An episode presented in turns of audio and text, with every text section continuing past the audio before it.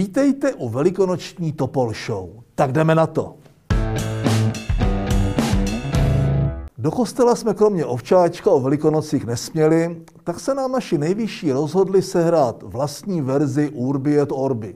Je v pořádku dát si u výdejního okénka pivo nebo párek, jen musíte poodejít 10 metrů a držet odstup 2 metry od ostatních. Vzkázal národu z večeřadla na zelený čtvrtek, poté co Márovi umyl nohy, spasitel Babíš Kristus. Na veřejnosti nepít, nejíst, nekouřit, nelízat. Varovali policejní centurioni, které Pilát Hamáčský vybavil pravomocí udílet pokutu ne 30 stříbrných, ale 10 tisíc českých. A do toho prorok Ovčiáš zvěstoval z mrtvých stání nikoli otce, ani syna, ba ani ducha, ale starce svatého, ke kterému žel Bohu došlo. Miloš promluvil na boží hod k národu o lásce. Jako by toho neštěstí nebylo už dost. Ministerský apoštolům bych klidně dopřál poslední večeři, ale museli by odpřísáhnout, že bude fakt poslední. Dobré zprávy přišly ze Spojených států. Bernie Sanders ukončil svou prezidentskou kampaň a přenechal bitevní pole Joe Bidenovi. Ve stejný den nový předseda britské Labour Party Sir Keir Starmer vydal oficiální omluvu za antisemitismus, zhoubný korbinovirus, který se stranou šířil za jeho předchůdce. Jak Amerika, tak Británie mají svých problémů dost. Dobrou zprávou je, že zavádění socialismu, o které usiloval jak Corbyn, tak Sanders, mezi nimi nebude. Sny o rudé Británii a svazu amerických socialistických států vzali za své. Naštěstí.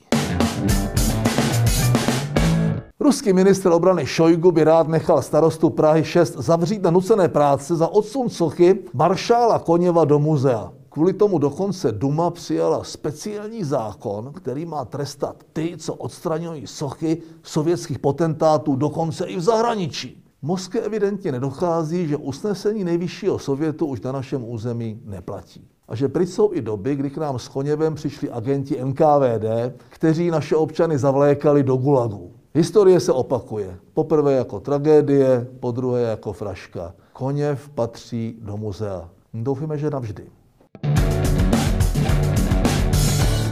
Slovenský premiér Matovič obvinil policii, že zbytečnými kontrolami zavinila dlouhé fronty na silnicích. To se přitom jen řídila vládním nařízením. Podle předsedy vlády však šlo o sabotáž. Takže Matovič za nic nemůže a všechno je to jen kampaň. Ještě se mohl na tiskovce zeptat policejního ředitele. No tak nebuďte slušný, jméno, řekněte jméno, kdo vám ty kontroly nařídil? Koukej, Andrej, na Slovensku máš parťáka.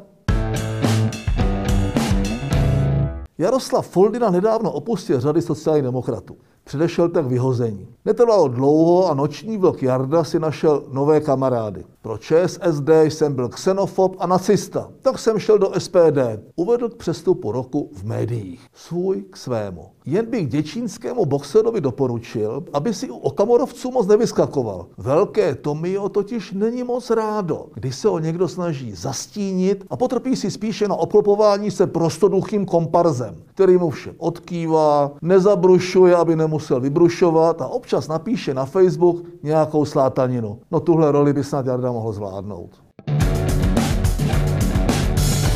Na jednu z nekonečné řady tiskovek si Andrej Babiš přinesl papíry s poznámkami. OK, že by měl kapacitu zapamatovat si všechny ty líbivé řečičky, co mu Mára napíše, určitě nikdo nevěří. Všichni vědí, že mezi tím, když něco čte z papíru a když má mluvit z patra, je rozdíl asi jako mezi koblihem a kobylincem. Jenže tyhle papíry měly na zadní straně logo společnosti Imoba. Jo, jo, jo, té společnosti, která rozhodně nevlastní Čapí hnízdo. Nepatří do holdingu. A s ředitelem Babišem by jí spojil snad jen Kalousek, symbol korupce a kampáně. Co to bylo za papíry, se kterými nemá nic společného? Prý nemá v kanceláři tiskárnu. Tak mu to museli tisknout v průhonické Sokolovně. Prosím, kupte mu ji někdo, ať u toho lhaní aspoň příště není tak trapný. Lže, jako když tiskne.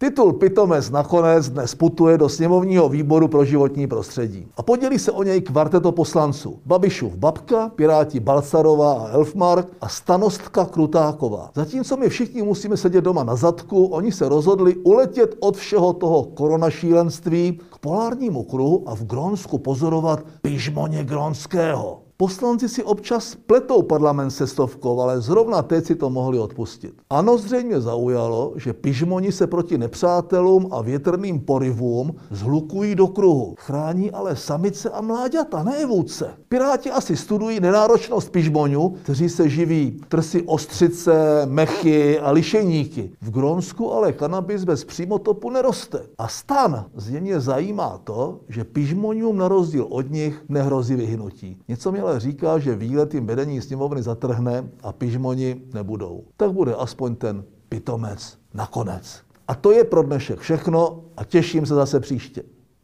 thank you